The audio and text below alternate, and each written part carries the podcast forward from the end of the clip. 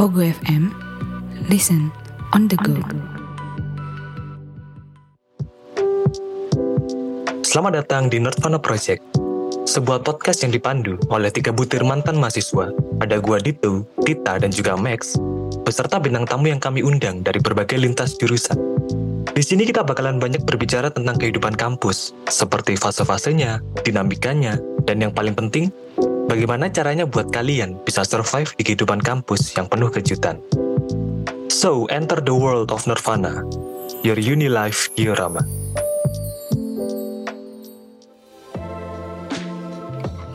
Halo para pendengar Nirvana, kembali lagi nih di Nirvana Project. Kali ini ada gua Dito, sendirian aja. Dan gue itu pengen beristirahat sejenak dari keusilan prank yang udah merajalela di awal bulan ini. Nah kali ini gue itu mau ngobrol seputar dunia perbangkuan pas kuliah.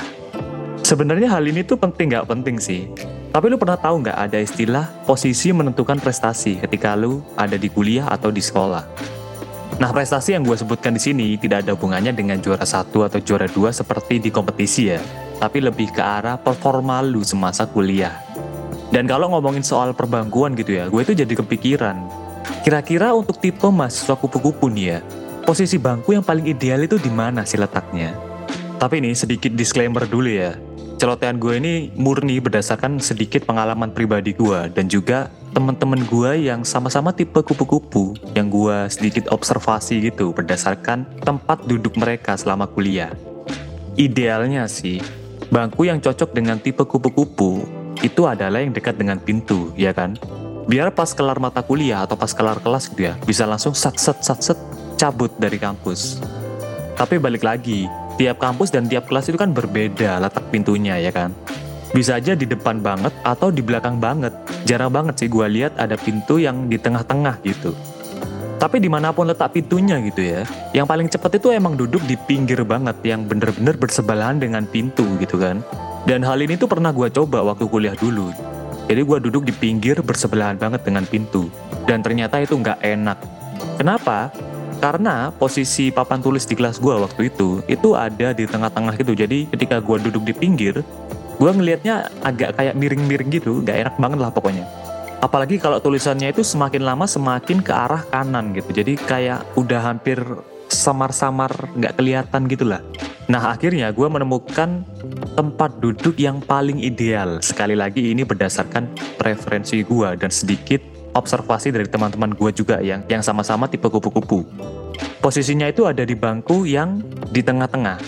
Jadi bayangkan aja ada lima baris bangku ke belakang. Nah di tiap baris itu berisi lima buah bangku. Dan gue akan duduk di bangku di baris nomor tiga di kursi nomor tiga. Jadi pas tengah-tengah banget dan lurus gitu ke arah papan tulis. Ya seenggaknya kalau miring pun masih bisa enak lah untuk melihatnya gitu kan di tengah-tengah itu menurut gue tidak terlalu mencolok aja gitu dibanding di pinggir, di depan banget atau di belakang banget. Kalau duduk di depan banget gitu ya, gue itu merasa kayak diawasi aja gitu sama dosen dan gak nyaman aja kalau mau ngobrol tipis-tipis gitu bareng temen ya kan. Jujur aja nih, gue itu sebagai mahasiswa gak selamanya bisa 100% fokus dengan pelajaran. Jadi butuh sedikit hiburan lah dengan ngobrol ke kanan kiri gitu. Nah kalau duduk di paling belakang banget nih, Biasanya sih, berdasarkan pengalaman gue, itu sering jadi sasaran empuk buat dosen manggil mahasiswanya untuk maju ke depan. Entah maju ngerjain kuis, maju dipanggil untuk presentasi, maju untuk bertanya, macam-macam deh pokoknya. Tapi hal ini biasanya berlaku untuk mata kuliah atau kelas biasa di kampus gue sih waktu itu. Karena kalau pas dulu gue waktu ujian, ujian akhir, ujian tengah semester, posisi duduk gue itu ditentukan berdasarkan nomor induk mahasiswa kita masing-masing. Yang mana gue apes banget dapet yang paling depan. Jadi ya gak bisa macem-macem atau aneh-aneh gimana gitu. Ya udahlah pasrah aja terima gitu kan. Nah satu hal yang gue rasakan ketika lu duduk di tengah-tengah, terus ngerasa nyaman gitu dengan posisi duduk kita. Dan sekali lagi ini berdasarkan pengalaman gue gitu ya.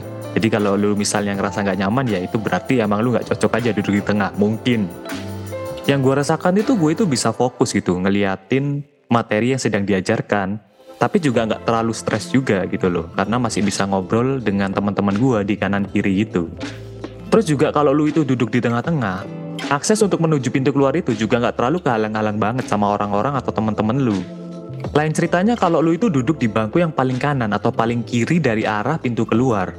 Biasanya sih, lu itu harus nunggu temen-temen lu yang lain dulu untuk pulang atau keluar. Baru lu bisa keluar. Gak mungkin kan lu nerobos-nerobos atau maksa gitu untuk pulang. Kelihatan banget gitu kalau lu pengen cepet-cepet atau buru-buru pulang. Kita itu ya sebagai mahasiswa kupu-kupu, walaupun intensi kita itu untuk pulang cepet, tapi setidaknya kita lakukan itu dengan cara yang elegan gitu. Jadi nggak terlalu kelihatan lah kalau kita itu pengen buru-buru pulang. Nah, pas ketika kita pulang atau cabut dari kampus, terus kita nanti balik lagi ke kampus buat ngelanjutin mata kuliah atau kelas berikutnya, kita itu bisa merefresh kembali pikiran dan diri kita. Jadi ketika ada di kelas berikutnya, kita itu siap untuk menerima materi yang akan diajarkan. Jadi ya performa kita di kampus itu nggak terganggu sama sekali gitu. Kita bisa tetap fokus untuk dengerin apa yang dosen omongin. Nah ngomong-ngomong nih soal tengah-tengah, Nirvana itu juga hadir di tengah-tengah kalian untuk menghibur dan memberikan solusi untuk setiap masalah kehidupan perkuliahan kalian. Tenang aja, Nirvana itu gampang banget kok buat kamu temukan. Karena kita tuh hadir di sebuah aplikasi yang bernama Pogo FM. Apa sih Pogo FM itu? Pogo FM adalah sebuah aplikasi podcast streaming gratis yang menyediakan beragam podcast dari berbagai negara dan juga audiobook pilihan. Cocok banget nih buat kamu dengerin di mana aja, kapan aja, dan mungkin bisa kamu dengarkan sembari menunggu dosen yang belum datang di kelas atau mata kuliah kamu. Akhir kata, semoga celotehan gue ini sedikit membantu buat lu nih yang mungkin mahasiswa kupu-kupu yang masih bingung gitu mau duduk di mana. Siapa tahu, ada aja ya kan? Tenang aja, untuk tipe-tipe mahasiswa yang lain seperti kunang-kunang dan kura-kura, akan hadir dibawakan dengan teman-teman gua yaitu Max dan Tita, tentunya dengan posisi bangku yang berbeda. Jadi nantikan obrolan kita seputar dunia perbangkuan ini di episode-episode Nirvana berikutnya. Bye!